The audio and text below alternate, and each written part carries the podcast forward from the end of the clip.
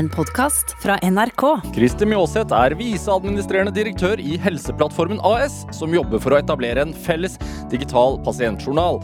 Mjåseth er utdannet lege og nevrokirurg, og har tidligere vært leder i Yngre legers forening og visepresident i Legeforeningen. I tillegg har han skrevet to novellesamlinger og tre romaner. Dette er Drivkraft med Vegard Larsen i NRK P2. Christer Mjåseth, velkommen til Drivkraft. Tusen takk. Hvordan har du det? Det er fint. Er det fint? Er det Dere skal rulle ut Helseplattformen eh, i Trøndelag, eller Trondheim, eh, om kort tid? Midt-Norge. Det Hele er Midt-Norge. Jeg har gjort den feilen en del ganger og sagt bare Trøndelag, men det er hele Midt-Norge, også Møre og Romsdal. Ja. 30. april. Ja, det er første steget, og så er det stegvis innføring fram til 2025. Så det er, det er et kjempeprosjekt. Ja. Er, det, er man nervøs før, før man eh, gjør noe sånt? Jeg vil si at nervene er litt eh, i høyspenn nå på hele, i hele Helseplattformen. Ja. Mm. Og i hele også Trondheim kommune og St. Olavs hospital, Ja. som går live nå 30. april. Det er en god del debatt der oppe nå. Ja. Høres tørt ut, Helseplattformen, men, men hva, hva er det egentlig? Ja, det er et felles journalsystem. For hele, for, altså for deg som pasient så skal all informasjon om deg være plassert og lagret i én database.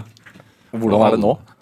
Nei, Nå er det mange systemer. Det fins data om deg lagret på en server som står på bakrommet på et uh, fastlegekontor f.eks. og spinner seg varm og kanskje går, uh, går konk. Så, så nå skal vi samle det et sted. Uh, i Helse Midt-Norge IKT skal ha ansvar. Så skal alle helsepersonell de skal jobbe inn i den løsningen. Um, og en veldig fin måte å illustrere hvordan det er i dag på, det er jo å trekke fram dette med helsekort for gravide. Ja, du, du har jo barn, så du, du har kanskje et forhold også til det helsekortet. Eh, Det er et gjennomslagsark. jeg har to barn. Det er, ja, eller sånt eh, li, lite kort, kan man kalle det. Som, Ja. som alltid var med i, eh, i sekken, og det ble mer og mer skrøpelig. Ja, det er skrukkete, ikke sant? Så Ja. du bare legger det inn i en sånn plastfolder. Ja. Fordi eh, du bærer jo med deg dette kortet, eller dette arket, til eh, helsesøster, til fastlege, til gynekolog, til, og når du etter hvert også skal føde på sykehus. Har du det med deg? Da tar du det med deg. Og hvorfor gjør du det? Det er for Alle disse ulike aktørene har ulike journalsystemer som ikke snakker sammen. Eh, og da, hva, hvordan gjør man det da? Jo, da overlater man det til det gravide å ta, ta med seg den informasjonen som er nødvendig for at man skal behandle deg bra. På en pappbit? Ja. Ja. Gjennomslagsark. Sånn gammeldags. Ja. Sånn som vi gjorde på 80-tallet. Jeg kan til og med huske det fra 80-tallet. Og det har vi forsøkt å, å få på plass eh, i helsetjenesten eh, siden 2007-2008-ish. og helseministeren sa for noen år siden at dette her var så vanskelig at dette kunne vi ikke love. Eh, men nå får man det til i Midt-Norge. Hvorfor har det vært så vanskelig? Nei, det er det at eh, alle aktørene de er eh, organisert så forskjellig innen helsetjenesten. Altså Du har pengestrømmer som går til primærhelsetjenesten, til kommunen, til sykehusene. Alt er forskjellig. Det er ikke noe insentiv for å samarbeide om en plattform. Nei. Og så var det noen fremsynte mennesker i styret i Helse Midt-Norge som sa i 2012 at eh, vet du hva, vi skal ha nytt journalsystem, det må vi erstatte. Da må vi ha med oss eh, kommunene og fastlegene. Og de visste ikke hva de gjorde, fordi dette her er overambisiøst. Eh, Men heldigvis så vedtok de det, og, og ti år senere så er vi faktisk i ferd med å gå live. Hvorfor er det overambisiøst? Det er så mange aktører. Altså, vi har, uh, altså en, en ting er jo at først må få sykehusene med på det. Det er uh, i Midt-Norge. Eh, de har kjøpt seg inn. Og så har du 66 kommuner. Og alle kommunene skal bli altså skal inn, for Hver kommune skal ha enighet innen administrasjonen. De skal ha saker i formannskapet. Politisk behandling. Formannskapet skal igjen da, og så skal det behandles i kommunestyrene. I 66 kommuner. Og så har du eh, 767 fastleger, og halvparten av de er selvstendige. De kan med andre ord gjøre akkurat sånn som de vil. Ja, for alle Altså, hver enkelt lege må si ja takk. Ja, nesten, så å si. Og så er det avtalespesialistene, som er altså spesialister som jobber i private eh, måte bedrifter som er koblet til helseforetakene. Ja. Hva med dem? Og så er det avtalefysioterapeutene. Det er rundt 300-350. Litt det samme. Ja. Altså Vi begynner å komme opp i et ganske høyt antall mennesker som skal snakkes med. Ja. Så at, eh, og det er overskuen man og ikke altså kompleksiteten i. Eh, Og så er det sånn at man har en visjon. altså man, Det er en visjon i bunnen her om at man skal ha pasientens helsetjeneste. Altså dette, Helsetjenesten skal ikke være fragmentert for pasienten. Man skal oppleve god behandling i den offentlige helsetjenesten. Og det opplever jeg at alle er enig i. Og alle er stort sett enig i at det er ikke godt nok i dag. Og det er en av driverne. Og eh, fortjenesten der handler jo om altså det er politisk drivkraft her. Ja. Både Støre i sin tid, som kom med en innbygger i en journal, og Bent Høie også, som har snakket om pasientens helsetjeneste. Mm. Det, altså, ikke, på på 2000-tallet så, så var det jo en politiker som sammenlignet sykehus med Toyota-fabrikker. Det gjør vi ikke lenger. Og det er ikke så lenge siden. Hva, hva, hva, var det som ble sagt da? Det husker ikke jeg. Nei, det var vel, det var, jeg tror det var Bjarne Håkan Hansen som sa det at eh, det er ikke så forskjell fra, fra sykehus og Toyota-fabrikker. Man skal behandle og man skal produsere helse. Og nå snakker man om pasientens helse, helsetjeneste, og det er pasienten i sentrum. Og det skal legges til rette for pasienten. Det er ikke sånn at eh, sykehuspersonell det er, ikke, det er ikke for dem vi legger til rette, det er for at pasienten skal ha det bedre. Og det tenker jeg Helseplattformen er et veldig godt uh, prosjekt for. da. Altså, Den gravide skal ikke ta ansvar for egen sykeinformasjon. Det er jo systemet som må gjøre. Men den gravide er én ting, men altså Det er vel også sånn at hvis man mm, kommer inn på akutten f.eks. og har besvimt, da, Ja, ja. så vet man ikke legehistorikken i det hele tatt. Altså Man veit ikke engang om man har vært hos fastlegen dagen før. Nettopp. Og nå kan du altså i Midt-Norge slå opp og se og lese fastlegenotatet, og da finner du ut at eh, den bevisstløse pasienten hadde brystsmerter dagen før, fikk nye medikamenter, nye medikamenter. Ja. Og så kan man eh, rette behandlingen mot det. Og så er det dette med alle disse kronikerne. Altså 5 av eh, pasientene bruker jo jeg husker ikke tallene, men i hvert fall over halvparten av helsebudsjettet. De er de, de besøker alle nivåene av helsetjenesten. De opplever en veldig fragmentert tjeneste.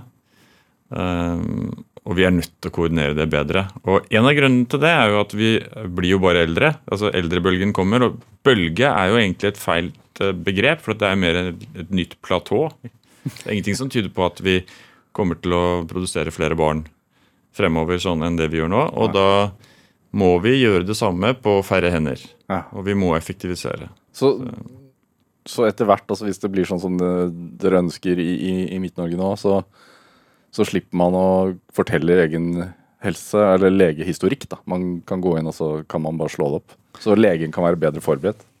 Ja, altså legen vil være for, bedre forberedt. Eh, Helse, altså sy, helsesøster vil være bedre forberedt. Eh, Man vil i hjemmesykepleien vite hva som foregår når pasienten er inne på sykehus og kommer ut. være mer forberedt. Kommunene vil ha et styringsverktøy. De vil kunne se hvor mange pasienter som sitter, ligger og venter på å få plass på sykehjem.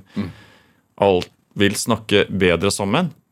Og Det tror jeg kommer til å i hvert fall bidra til at man kan være forberedt på fremtiden i større grad.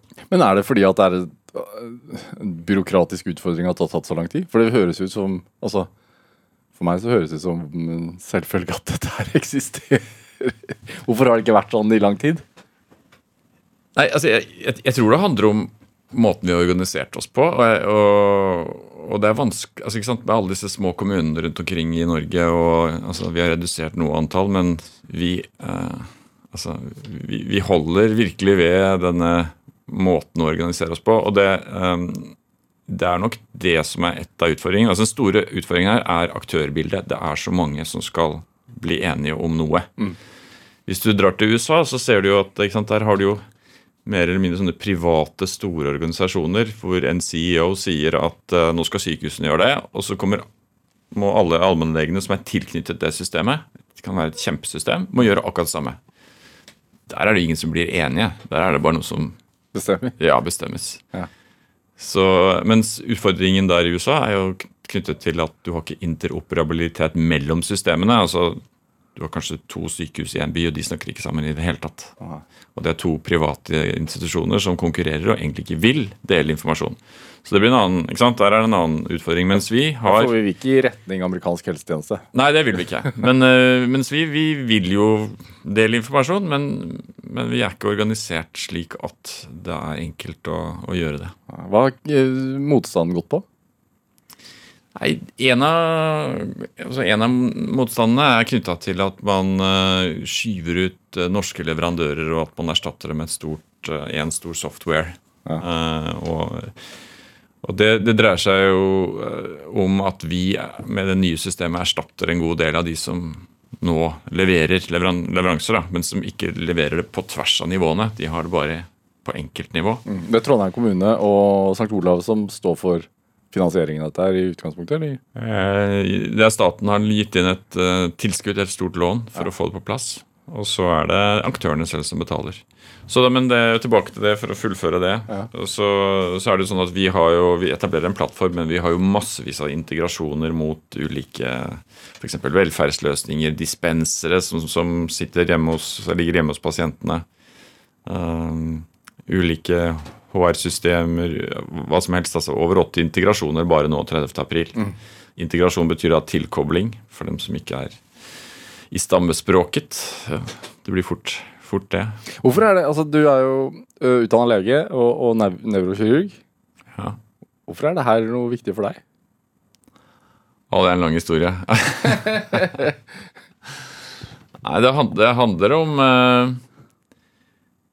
Det handler om at man har kommet inn i klinikken, eh, opplever eh, Opplever at det er mye som kan gjøres i helsetjenesten, og at jeg etter hvert kom i posisjoner som gjorde at jeg kunne påvirke store valg. Uh, først så var det Jeg var jo involvert litt i OS-prosessen, altså Oslo universitetssykehus, og på tillitsvalgt nivå. Og så ble jeg valgt inn på landsbasis i Legeforeningen, ikke sant. Uh, og så etter hvert, uh, når denne muligheten dukket opp, så, så så jeg jo at det her er jo et prosjekt som kommer til å forandre måten vi organiserer helse på i fremtiden. Det var nesten umulig å ikke si nei til det. Men er det for pasientens beste også? Ja, det er for pasienten. Det er det, det, ikke sant? Altså, det er alt handler om pasienten i helsetjenesten. Jeg tenker Man kan snakke mye om at man skal legge til rette for leger på vakt, og de skal ha vaktrom, og, og, og man skal ha rapporter, og man skal være i null. Men alt i bunn og grunn handler om pasienten. Er det Og det at man da har et felles uh, Alt er altså journalført på samme sted, gjør at man som pasient Altså det krever mindre av deg som pasient da når du kommer inn, kanskje, men, men, men bør man også stille krav og spørsmål som pasient, selv om, selv om journalen ligger der? Ja, altså, Én ting er at du samler all informasjon, men det, dette er også en invitasjon til mer interaksjon. Ja. Man får eh, tilgang til en meldingsutveksling på telefon f.eks. direkte med helsetjenesten, spesialisthelsetjenesten. Um, man får videotjeneste midt i, på telefonen osv. Altså det, dette kommer til å endre måten vi forholder oss til pasienten på. Og det eh, Der ligger det så mange muligheter, og vi merker også at, at aktørene er veldig ivrige på å komme i gang med dette her. Altså det for det, de, de tekniske altså detaljen, altså Man er vant til iPhone 13 altså i dag. Eh, Og det vi har i helsetjenesten, det, det holder ikke mål foreløpig. Hva er det, hvis du skal snakke telefonspråk? iPhone 13? Nei, nei. altså, hvis, hvis man er vant til iPhone 13 i dag, Ja. hva slags telefon er det helsetjenesten bruker? Nei, det er den Nokiaen du hadde, den lille med knapper. Det Den blå? opplever jeg. 30 3310? Ja, det var noe sånt. Jeg hadde den, jeg husker ikke helt Uh, Men den var veldig fin den gangen. Ja. Men uh, vi er kommet litt videre nå. Hmm. Er det Så utrulling i, i, i Trondheim og Midt-Norge først, men er det Skal dette ut på landsbasis? Ja, det, du spør smart, altså. Um, ja, vi har litt tid. Altså, det, det som er litt av utfordringen i Norge, er at vi har vi, vi er delt. Vi har fire helseregioner. Og da eh, Helse Midt-Norge sa at eh, nei, vi skal ha med oss kommunene i 2012, da fikk de høre at de tre andre helseregionene at ha det får dere ikke til. Rett og slett fordi det er ikke noe underbyggende organisasjonsstruktur til å få kommunene med. Og kommunene må, som jeg sa, da, de må jo behandle dette politisk. Og politiske behandler, behandlinger, det er krevende greier, altså. Ikke sant? I 66 kommuner bare i Midt-Norge. Og så skal man gjøre da det Skal man gjøre da det i resten av Norge, eller skal man ikke? Så uh, Så det er kostnadsspørsmål, egentlig. ja, altså det handler jo om økonomia. ikke sant? Økonomifordeling. Hvem skal betale? Skal staten gjøre det? Eh, Kommunene har stramme budsjetter. Skal vi ta oss råd til dette? Hva får vi igjen? Hva er gevinsten? Alle de diskusjonene må du da ta på alle de ulike nivåene. ikke sant? Det er komplekst. Så eh, jeg tenker at avhengig av hva vi får til nå, så, eh, og det jeg tror vi kommer til å få til, så tror jeg det kommer til å være førende for hvordan man tenker i resten av Norge. Men foreløpig så er det bare Midt-Norge. Dette er Drivkraft med Vegard Larsen i NRK P2. Og i dag er viseadministrerende direktør i Helseplattformen AS Christer Mjåseth her hos meg i Drivkraft på NRK P2. Altså I tillegg til å være det, så er du midt inne i en sånn doktorgradsavhandlingssluttfølelse. Ja. Du er i ende, altså du er, driver og sk- skriver ferdig en doktoravhandling Ja, Ja. det gjør jeg. om Nei, Det handler om nakkekirurgi. Jeg var jo nevrokirurg og jobbet en del med, med pasienter og opererte dem, og følte at jeg ikke visste hvordan det gikk med dem. Altså, Du sender de ut, de kommer tilbake på kontroll eh, etter tre måneder, og så sier de tommel opp eller tommel ned, eller vi må reoperere, eller hva som helst. Men eh, hva skjer? Liksom, hva, statistikk, hva, hvor mange blir bra, hvor mange blir dårlige? Så kan du selvfølgelig lese artikler, men nå har vi vært veldig flinke i Norge med å samle data i registre. Eh, og nakke- og kirurgiregisteret ble startet på, på begynnelsen av eh, ja, 2005 eller 2006, og nakkepasientene ble registrert fra 2011. Så da fikk jeg muligheten til å begynne å gjøre en, eh, finne ut da, hvor mange er det som blir bra og ikke, og hvor mange av mine pasienter og så videre på vårt sykehus blir bra, og lage statistikk og se over det. Ditt, ditt sykehus er Oslo universitetssykehus. Oslo universitetssykehus. Og ikke minst også se på hvilke faktorer er det som eh, kan forutsi at du får et dårlig utfall, eller et bra utfall. um, så det har vi nå skrevet om og er snart ferdig. Er det, hvilke faktorer gjør at du får et dårlig utfall? Nei, en av de tingene er eh, rett og slett det er mental helse. Det jeg har vært litt sånn, det slått ut litt på begge veier egentlig i andre studier, men i vår eh, studie så viser det helt klart at det er eh, avgjørende for om du blir bra eller ikke. Hvorfor er det linket til en nakkeoperasjon? Det kan jo ikke det er, Vi bare viser det, at det er en korrelasjon. Ja. Om det er en kausalitet eller en årsaks Det er jo vanskelig å si, men, men uh, dette er jo Når man har så store datamengder, altså en big data-tilnærming, så, så kan du se sammenhenger som man ikke på en måte griper selv som kliniker. Eh, og det er jo dette som er spennende i, eh, innen forskning nå, spesielt og innen altså dette med databehandling og, og AI og maskinlæring osv. Mm. altså eksempelvis, Det er så mange faktorer som virker inn på behandlingen. altså Eksempelvis i USA, dette er en stor sak i USA. Hvis du er afroamerikansk kvinne i USA, har høy utdannelse, lik utdannelse som en hvit, så har du tre ganger høyere sjanse for å dø i løpet av en fødsel. Eh, og det er ingen, ingenting, ingenting som kan forklare det av andre faktorer, annet enn at dette her er en forskjellsbehandling. Og det kan vi først si ja, nei, det, det stemmer ikke, men jo, dataene våre de er så store nå at vi kan faktisk vise det. Um, og, og dette er på en måte den, et nytt steg som, som, eh, som vi har innenfor helsetjenesten nå. det er at De store datamengdene kommer til å vise eller avsløre nye sannheter. Og vi er nødt til å ta de inn over oss og bruke de i pasientbehandlingen. En av, altså, øh, Kruse Mjåseth, du er her i dag. Eh, Vi starta Drivkraft for eh, ja, nesten tre år siden. Og eh, en av de gjestene jeg tenkte at skulle komme hit da vi starta opp, var deg. Fordi at jeg hadde sett en TED-talk som du gjorde i 2018. Eh, og TED-talk er jo da hva skal man si, et sånt slags øh, foredragsseminar. eh, hvor folk med tanker og ideer og kunnskap står på en scene og holder et foredrag på alt fra ti minutter til en halvtime. eh, om noe de har peilt på og funnet ut. Eh, og ditt foredrag har blitt sett, av, ja, sett sånn to og en halv millioner ganger eller noe sånt. Um, som jo handler om dine erfaringer som nevrokirurg. Og at du har sett på liksom, statistikk og big data og sånn. Eh, og så stilte du noen morsomme spørsmål der. Sånn, det du sa var sånn Still legen din spørsmålet er det virkelig nødvendig. Um, og det tenkte jeg at han her må komme til drivkraft, fordi det, han, er, han er modig. Fordi han er nevrokirurg og lege og sier til oss som er pasienter at still legen din spørsmålet trenger jeg virkelig dette her. Trenger jeg den medisinen? Trenger jeg den operasjonen? har du egentlig gjort grundig nok research som lege? Ja, og litt av den praten handler jo liksom om alle de faktorene som virker inn på det at du, skal opereres, og hva resultatet blir. Ja. Altså, i, altså, en måte å forenkle det på er å si at eh, ok, jeg skal bli operert.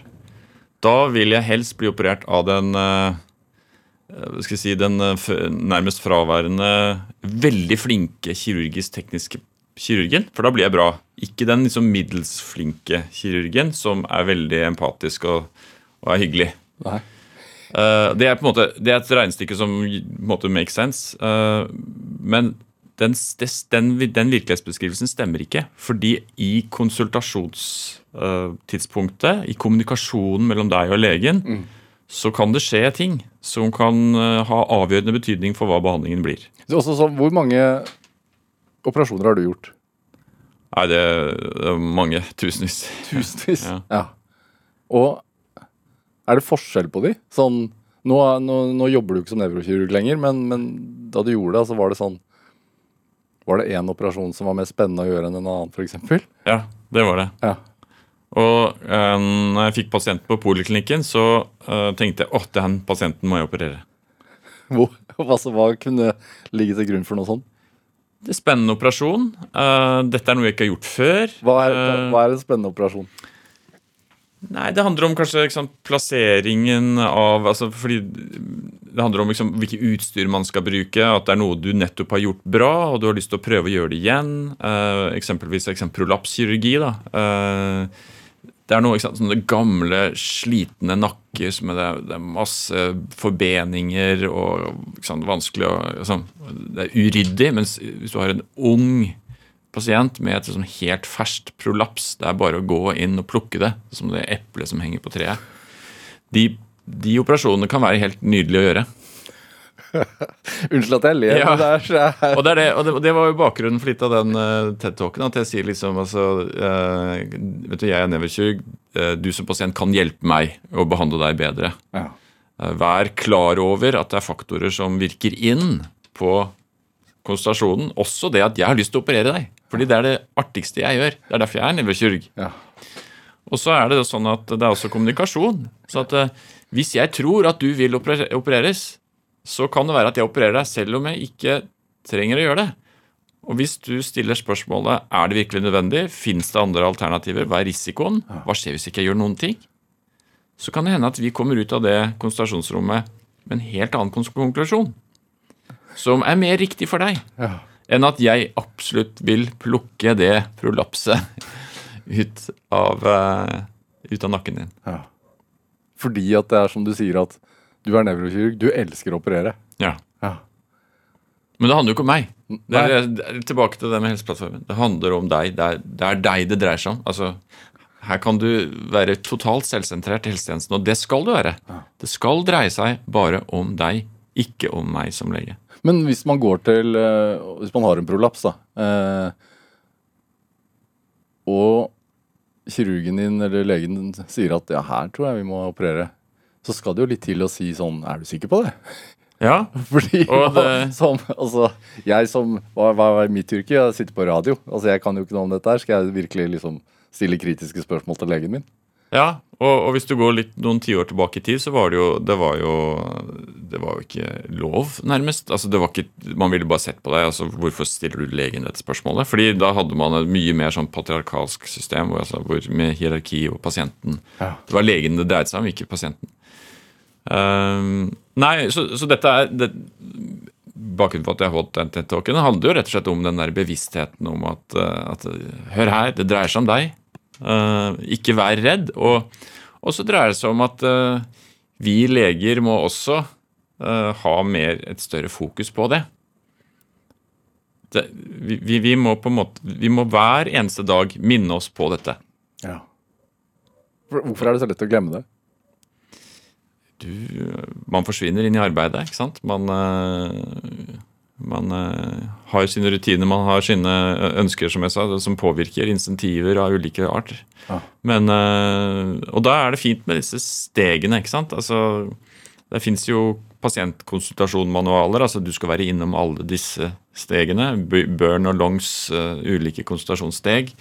Eh, det er det veldig lite fokus på i medisinen. Hva er, hva er disse stegene?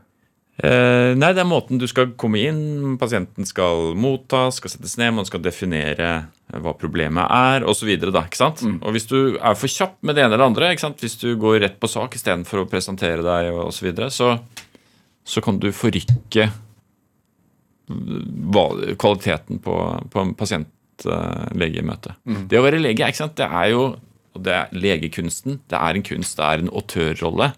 Du spiller en rolle, og du eh, Altså, det er visse måte, kriterier og måter, og forskning viser jo det, altså at måten du gjør det på, er, er bedre enn andre. Og så finnes det ulike måter å tolke den rollen på, akkurat som skuespillere tolker sine roller ulikt. ikke sant? Når du tar på deg legefrakken, mm.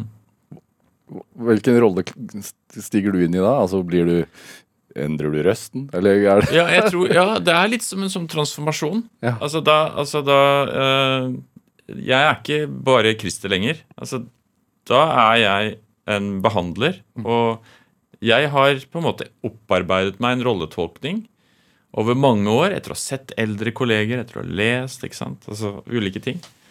Uh, og, og jeg ønsker å gjøre den rollen på best mulig måte for pasienten. Det prøver jeg alltid å, å minne meg selv på. Og så er det lett å glemme også, hvis man er som pasient, at, man, at legen også er et menneske. da. Ja. Eh, Og ikke bare en lege. Ja, og da er det vår eh, oppgave da, å vise den menneskelige siden. ikke sant? Altså Ikke, ikke bare være intellektet eller eh, automatlegen, som Vetle Larsen skrev i en artikkel som jeg ba han skrive en gang, om yngre leger. Eh, men altså være, være en empatisk figur som tar seg tid til å se mennesket, være interessert. Har man tid og råd til det, da? Ja, altså det, det må man bare. Altså Det er en del av, eh, det er en del av rollen, det. I den TED-talken så kommer du med noe, for der også har du med deg statistikk, da. Eh, og, og, og snakker om eh, meniskenoperasjoner. Eh, og, og viser til at statistikken er sånn at tallet på meniskenoperasjoner i Møre og Romsdal er fem ganger høyere enn i Stavanger. Ja. Som jo da underbygger eh, argumentasjonen din om at er det virkelig nødvendig hver gang? Ja, nei, det er sannsynligvis uh, Sannsynligvis Eller Mye er, tyder på at i Møre og Romsdal, da, på det tidspunktet, nå tror jeg det har falt litt, men der opererer man for mye. ikke sant? Altså fordi ah, kneoperasjoner, det- er en vurderingssak. Det er ikke sånn at det er bare du kommer inn, du ser røntgenbilde eller MR-bilde og så sier du det skal du operere. Det handler om pasientens eh, ønsker, det handler om hvor pasienten er i livet osv. osv. Ja. Og hvis man har for sterke eksempel, økonomiske insentiver da, til å operere, så kan det påvirke. Jeg har jo vært et år i USA og sett uh, hvordan man eh, opererer der. Hvor man, uh, der er helsevesenet opparbeidet sånn at du, altså du får penger for hver eneste pasient. Så jo flere pasienter du opererer, jo mer penger får du inn. Ja. Jo mer penger får sykehuset inn, og jo mer fornøyd er CEO-en som sitter på toppen. Og jo mer fornøyd også forsikringsselskapet, for de, de, de bare Altså, de ønsker jo å tilby, eh, tilby tjenester som, eh, som andre. eh, altså, altså tilgjengelige til helsetjenester, da. Ikke sant? Så, så, og da får du, og da, da ser du på statistikken på altså, eh, Norge bruker vel omtrent 10% av bruttonasjonalproduktet på helse. I USA ser de på god vei til 20% Høyest i hele verden. Men eh, levetidsalderen den er lavere liksom forventet levetid i USA enn i Norge. Så det er en måte å måle på at kvaliteten er ikke bedre, selv om du bruker mer penger. selv om du opererer oftere. Ja. Men hvorfor opererer man oftere et sted i landet enn et annet? Ja, en av de, altså Det er en del private klinikker i Møre og Romsdal. Det er bare en spekulasjon. Ja. Det kan være en av årsakene. Eh, Det kan være rutiner eh, på eh, sykehusene. Og Der har jo også vært en politisk fokus. altså Vi skal ha lik behandling over hele landet. Du skal være sikker på at du får sant, standard behandling overalt. Ikke at du blir eh, forskjellsbehandlet avhengig av hvor du bor. Så øh, igjen, det er, øh, det er en kjempejobb. Og, og der er vi tilbake til plattformen, ikke sant? hvor man kan ha oversikt og se ulikhetene og, og identifisere de tidligere. Ja. Du nevner USA ofte, Mjåseth. Ja. Vi skal spille litt musikk. Også fra en amerikaner. Ja. Eh, du har med en Bruce Springsteen-låt. 'Thunder Road'. Hva, hva, hvorfor er du så glad i Springsteen, og hvorfor er du så glad i USA? Nei, ja, det Det er et stort spørsmål. Siste er et godt spørsmål. eh, men eh, altså, nå, må vi tenke oss tilbake til pre-mobiltelefon, internettid, hvor det du fikk foran deg, det var det som inspirerte deg. Og mye av den gang til så var det altså, populærkulturen i Norge og NRK for øvrig. Men, men det var liksom, norsk musikk var jo ikke det som inspirerte. ikke sant? Det var det som var på engelsk. og og store stadioner som du hørte om at man, man spilte på, men man hadde aldri vært der fordi artistene kom aldri til Norge. Uh, og, jeg, og Først så måtte du kjøpe CD-er, ikke sant? og det hadde du ikke råd til. Så til jul jeg husker ikke når det var, så fikk jeg dette albumet med konsertopptak fra Bruce Springsteen 1975-85. Og da var jeg hos min bestefar, og da ble jeg lagt i gangen inn til badstuen. Jeg husker det luktet sånn badstue, og så hadde jeg en kassettspiller. Det var ikke CD, faktisk, det var kassett. Ja. Og så spilte jeg de sangene, og så hadde jeg det svære den, på en måte den, Alle tekstene som var, for, var med, da. Det var jo ikke sånn noe nytt, da, for det mange som ikke presenterte tekstene sine i kassettene. Det var ikke plass. Så leste jeg tekstene, og så eh, var det på en måte en slags en av de første store voksenopplæringene at nå er jeg på vei ut i verden. Hvor gammel var du da? Nei, Jeg er litt usikker, men det må ha vært i sånn type femte-sjette klasse. Ja. Hvor Lillehammer dette er, da? Ja, det var i Hobøl, faktisk, hos eh, bestefaren min. Så når du hører det, så lukter du badstue og tenker, Ja. tenker på USA? Ja, litt sånn. Og, og, og ja, det forjettede land. Altså Ja, Skal vi høre? gjør det.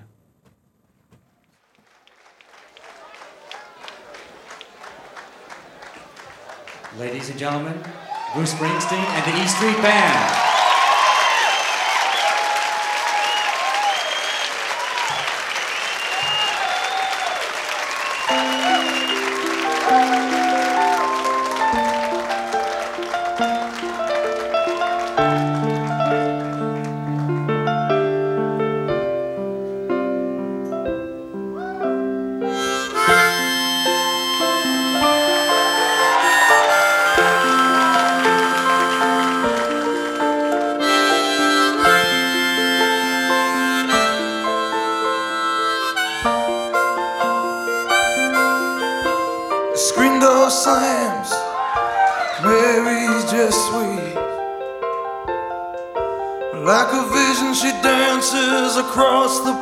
Porch as the radio plays. Roy Orbison singing for the lonely. Hey, that's me, and I want you only. Don't turn me home again. I just can't face myself alone. Don't run back inside, darling. You know just what I'm here for. So you're scared and you're thinking that maybe we ain't that young anymore. Well, show a little faith, there's magic in the name. You ain't a beauty, but hey, you're alright.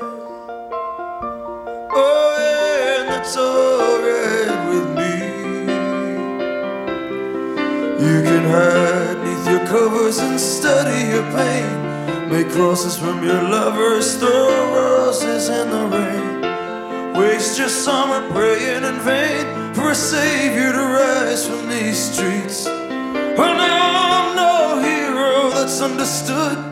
All the redemption I can offer, girl, is beneath this dirty hood. With a chance to make it good somehow. Hey, what else can we do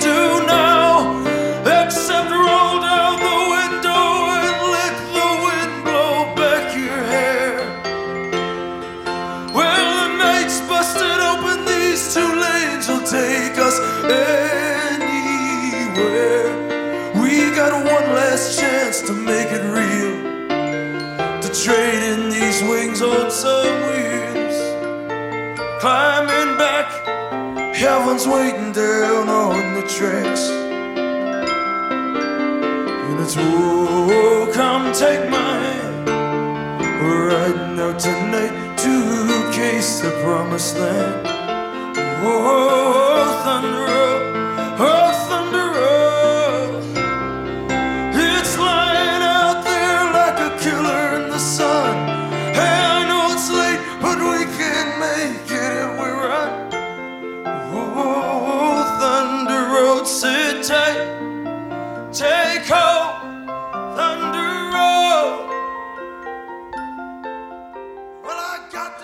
fikk en smakebit av eh, live-versjonen til Bruce Springsteens Thunder Road her i Drivkraft på NRK P2, valgt av dagens gjest her i Drivkraft, eh, nemlig nevrokirurg, eh, i Helseplattformen AS og forfatter Christer Mjåseth.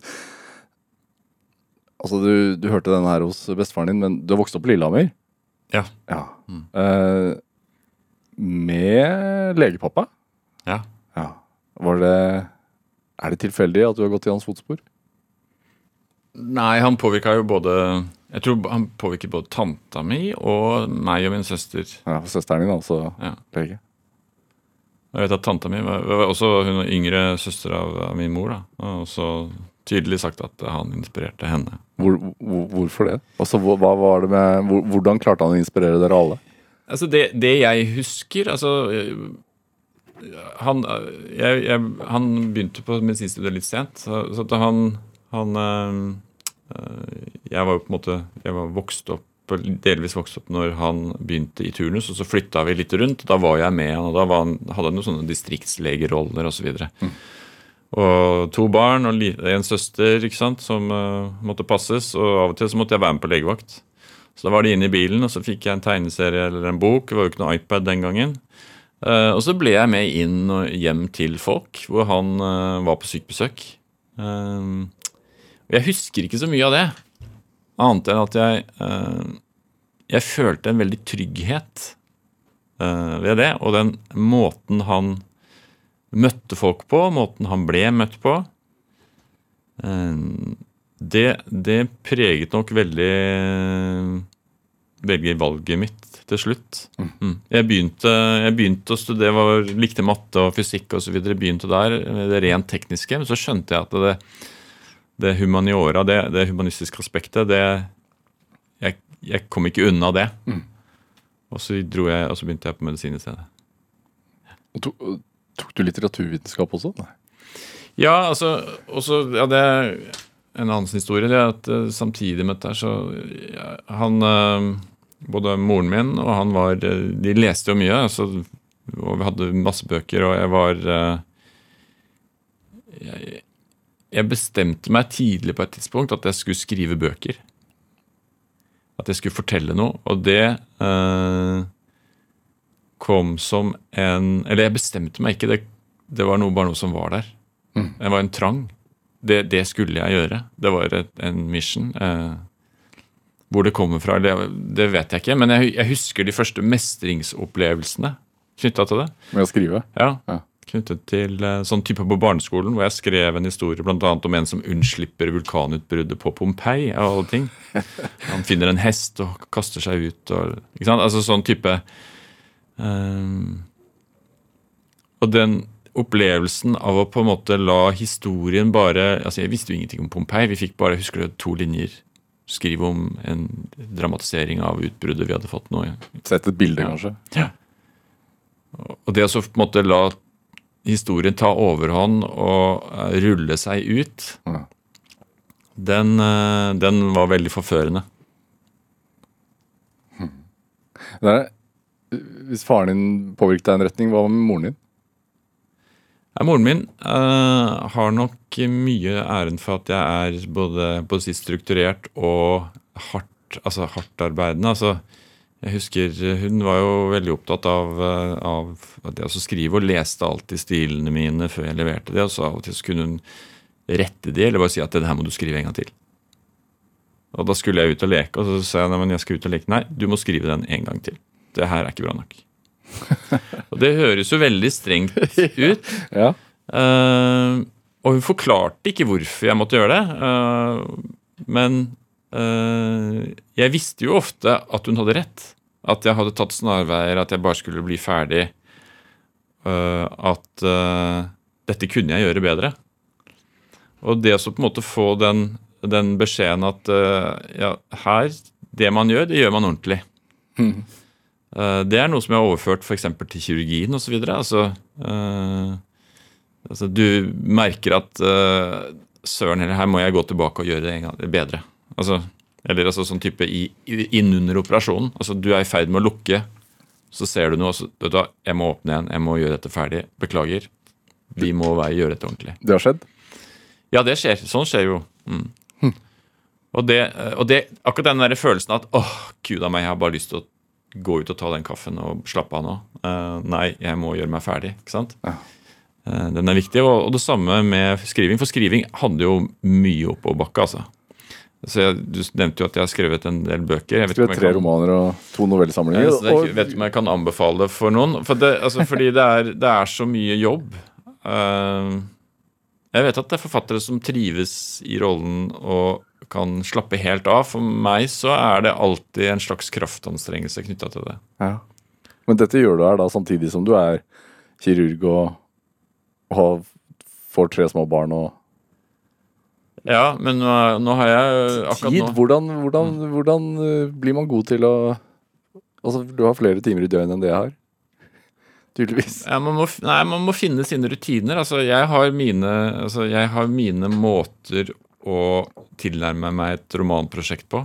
Altså, eh, jeg vet at liksom de første, det å etablere ideen, det er den veldig viktig. Det jeg må få etablert, jeg må få skrevet ned så og så mange sider, 20-30 sider. Og, og så må jeg få den der følelsen at nå vet jeg, nå ser jeg hvor elva renner. Jeg aner ikke helt hvor den renner, men jeg tror jeg vet det. Og da har det vært sånn, altså faktisk før, da jeg var litt yngre og hadde mer krefter, så kunne jeg sitte og skrive etter det, når barna satt og så på barne-TV. Nå er det ikke, Barna ser jo ikke på barne-TV lenger, for de ser på iPad. Men, men når, eh, når det var Fantorangen eller Drømmehaven før, eh, så kunne jeg faktisk sitte og skrive videre på, på boka mens, eh, mens barna så på, så på TV, f.eks. Altså det er jo mange, så er, man på reise, så kan man skrive på fly. altså Det er mange sånne lommer av tid som man kan benytte. Og, og Men, eh, også men, men du sa jo dette med to-tre barn. Altså To barn går, men tre barn er kaos, eh, på en måte. Eh, så jeg har merket senere årene at uh, jeg må velge. Altså, jeg velger bort kvalitetstid her fra familietid. Så jeg velger å skrive fremfor å ha familietid. Uh, og i senere tid så har da familietiden vunnet. Så hvis du ser på frekvensen i antall utgivelser nå, så er det en liten pause nå. Ja. Hvordan føles det, da? Nei, det, det føles egentlig greit. Altså øhm, Jeg vet at det kommer en tid der jeg kommer til å skrive igjen. øh, og jeg har, jeg har jo ting på gang, så jeg, jeg kommer med mer. Øh, samtidig så er den tiden du har med barna, den, den har du nå. Og, og det er jo sånn, ikke sant, Når du har tre barn, så opplever du kanskje at sant, en av de Søren heller, hvorfor fikk jeg ikke med meg det? Jeg var på Nebbetjugen, vi begynte klokka sju om morgenen. Jeg leverte jo aldri i barnehagen. Nei. Nå så gjør jeg det. ikke sant? Eller jeg, jeg har levert i barnehagen og på skolen. da. Det kan høres ut som noe som er banalt, men det kan være viktig. altså det, det er, I hvert fall nå så er det viktig for meg. Er det du, du fortalte meg før vi gikk her at fordi dere har vært et år i USA, Ja. at det var en veldig fin ting også. Sånn for det samlende. For familien. Ja, altså jeg fikk et stipend etter at jeg var uh, ferdig i Legeforeningen. Så fikk jeg sånn stipend for å jobbe på Harvard om, uh, i forhold til helsetjenesteforskning. Og, og der har de et veldig sånn, spennende miljø knytta til systemtenkning. Og så var det uh, sånn at vi fikk et stipend for å ha med hele familien. Og da tok eh, kona og meldte seg opp på en master, og så jobbet jeg da på universitetet der. Um, men da, og da hadde vi med alle tre barna. Uh, og det tok ikke så mye overtalelse, egentlig. De sa OK, ja, hva skjer da, liksom? Uh, og tok det egentlig på ganske strak arm. Og så er det sånn at når du da etablerer deg i et nytt land, så du får mye kvalitetstid sammen. Det var en som sa til meg på forhånd at du vet, USA, ok, der kommer du til å få mye kvalitetstid i bil. Så, eh, og det stemte nok, for du kjører jo mer. ikke sant? Det er ikke offentlig transport på samme måte. og du, Det er et fremmed land. altså Du kan ikke bare slippe barna dine ut på gata sånn uten videre i en storby. Er I Boston. Så eh, det ble egentlig ganske fint. Og, og ingen av de ville tilbake. Eh, så at eh, Jeg tenker at det, er sånne, sånne opplevelser som jeg tror eh, alle familier ville, ville likt å gjøre hvis man får sjansen til det. Du har skrevet i, forhold til skriveriet ditt, så, altså bøkene dine, så har du jo skrevet om altså Det er f.eks. en roman som heter 'Legen som visste for mye'. Mm. Er det, er det Når man skal skrive, finne på historier, er det da en god ting egentlig å være lege? Du møter jo veldig mye forskjellige mennesker. Ja, og så samler du historier. Altså, jeg, Forfatter, så skriver du. Eller Du forteller og formidler ut fra et, et grunnlag som du har. Og, og hver eneste dag som lege så samler du og hører du om skjebner, om vendepunkt i livet. Ikke sant? En roman er jo ofte dreid rundt et vendepunkt. altså Det har en, en protagonist, altså en hovedperson, og så skjer det noe. Så må man håndtere det. Det hører du om i form av at det kanskje er sykdom, men så kommer det opp andre ting også. Så du får jo et enormt arkiv av pasientopplevelser og altså, rett og slett bare opplevelser. Eh, og det er ikke sånn at du skal skrive nødvendigvis om det, men det inspirerer jo sant, til å fantasere ytterligere. Det er klart det, og det har i hvert fall gjort det for meg. Men Når man har en jobb hvor man har så mange skjebnemøter, er det Gjør det noe med perspektivet på eget liv?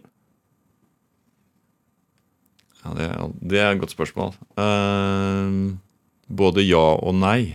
Eh, det er en jobb, eh, og noe av det som man må gjøre, er jo å distansere seg. Altså, Er det derfor man trer inn i den rollen som vi pratet om ja, sist? det er en slags eh, rustning også. Ja. Klart Hvis pasienten kommer inn og du ser at de har en svær blødning i hodet, og du vet at de kommer til å dø, og du må snakke med pårørende Du skal vise følelser, men du skal også på en måte kunne klare å legge det fra deg når du kommer hjem. Så det er uh... Men gjør man det, da? Ikke alltid, men eh, man blir jo flinkere til det med årene. Mm. Og det Hva vil det si? Å bli flinkere? altså Forsone seg med på en måte situasjonene. Eh, jeg tenker altså I begynnelsen av, av, av Hvis du snakker med flere leger sånn knytta til turnus, så, så vil mange av de si at eh, altså den perioden når de liksom uh, gikk de første vaktene, og så gikk de hjem, og så fikk de ikke sove, for de tenkte på alt de ikke hadde gjort. og jeg skulle sagt ifra deg om det, og hva om ikke det blir gjort? Og så ligger man våken, og så er man i helspenn. Det klarer man å legge bort med årene, da. Eh, og så er det viktig da å ikke Altså fortsatt beholde den kontakten med pasienten.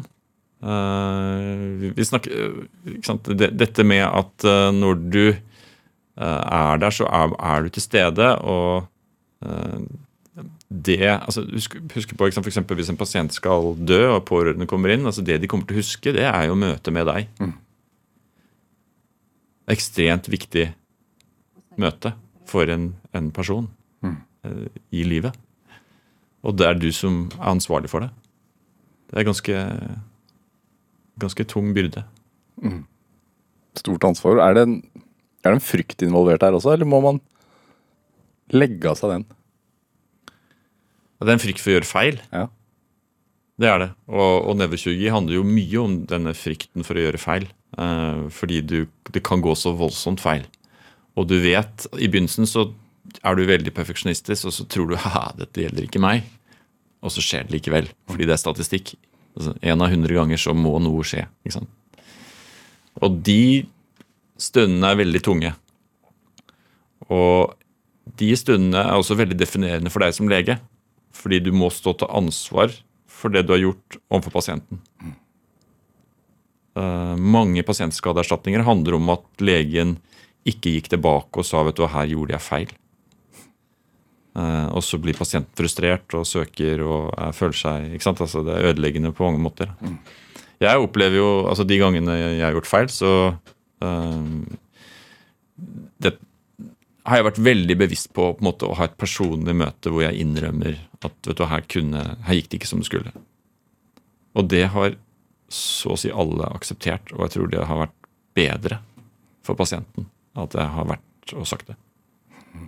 Men den følelsen kan jo ikke være god, da. Er det derfor også du brenner så sterkt for f.eks. en felles digital altså journalføring? Fordi at det vil muligens gjøre potensial for feil mindre? Ja, altså i en sånn utvidet forstand så er det det. Eh, så det handler i prinsippet om å gjøre godt, altså på best mulig måte. Eh, og, og på ulike nivåer her, ikke sant. Altså, jeg har jo gått fra å jobbe på gulvet ikke sant? med pasienter til å jobbe mer med system, men egentlig i prinsippet så handler det mye om det samme. Og det handler mye om kommunikasjon. Akkurat sånn som når jeg skriver bøker, Det handler om å fortelle hva det er som faktisk skjer her. Jeg vet du er opptatt av å kalle deg selv hybridlege. Ja, Er det det, er det, er det, det dette handler om? Ikke egentlig. Dette, her tror jeg er en klassisk, men, men hybridlege handler om at uh, helsetjenesten utvikler seg. Altså Mange av de rutinene vi har i dag, de er hundrevis, eller i hvert fall 100 år gamle. Sant? Dette med å gå i visitt og dette med å sitte på røntgenmøter, og det har ikke endret seg noe. Men så møter du plutselig en helsetjeneste hvor teknologien spiller en mye større rolle. Hvor uh, dette med ledelse, fordi vi begynner å få så store organisasjoner nå, at det må tas hensyn til, altså lederkompetanse. Sånn at uh, en lege kan ikke bare lære seg bare medisin lenger. Man må lære seg andre fag også.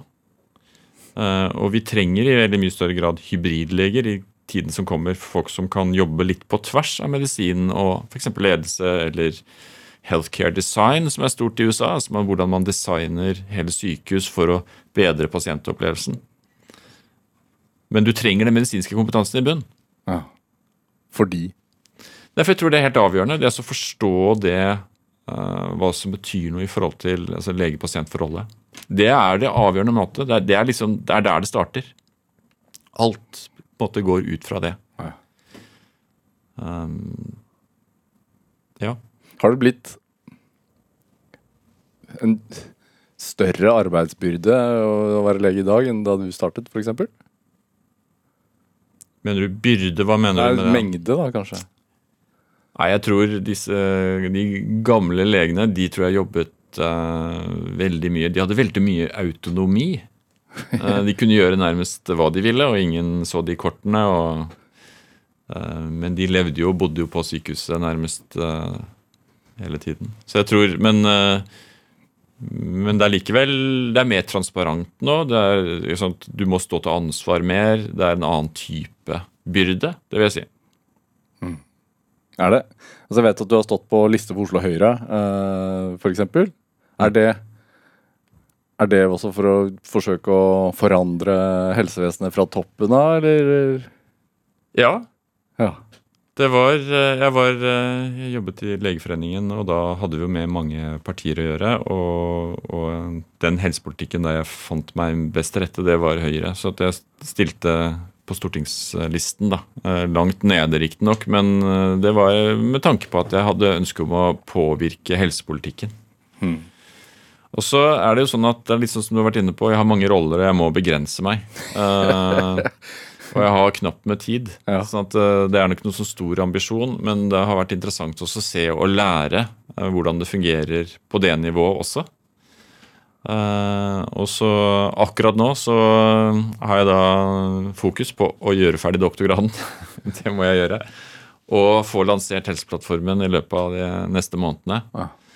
For det kommer til å ta ganske mye krefter og oppmerksomhet. Men burde vi Altså, har vi potensial til å ha liksom verdens beste helsevesen? Eller har vi det? Eller hvor, hvor ligger vi an, sånn du ser det? Du nevner jo USA hele tiden der, men Ja, altså, det er jo sånn at hvis du skal ha altså, De har jo uant mengde altså, Noen ganger så handler det jo om volum uh, og sjeldne sykdommer. Altså, I USA så har man da sentre som har veldig sterk eller stor kompetanse på veldig små ting. Og de har også veldig mye, veldig mange med utstyr. ikke sant? De, har, de får mye penger fra forsikringsselskaper osv. Men, men i Norge så har vi på en måte klart å balansere både insentiver og, og finansieringsmodeller, sånn at vi, vi er ganske effektive. Og vi er jo rangert blant de aller, aller beste eh, helsetjenestene i verden. Så ja, vi har det, men vi har også en del utfordringer.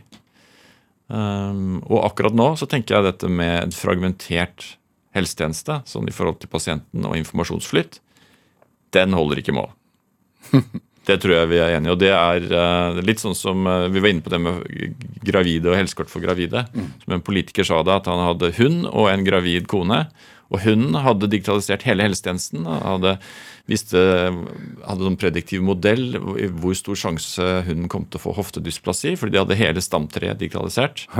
Mens kona, som vi var inne på, gikk rundt med dette gjennomslagsarket. Og sånn kunne vi ikke ha det. Tenker, vi må, vi må investere litt mer i våre gravide enn en enn hund- enn det vi gjør i hundene akkurat nå, tenker jeg. Hva gjør du når du slapper av, Mjåseth? Du, Da øh, leser jeg kanskje en bok, og så har jeg, øh, har jeg tatt opp å spille piano.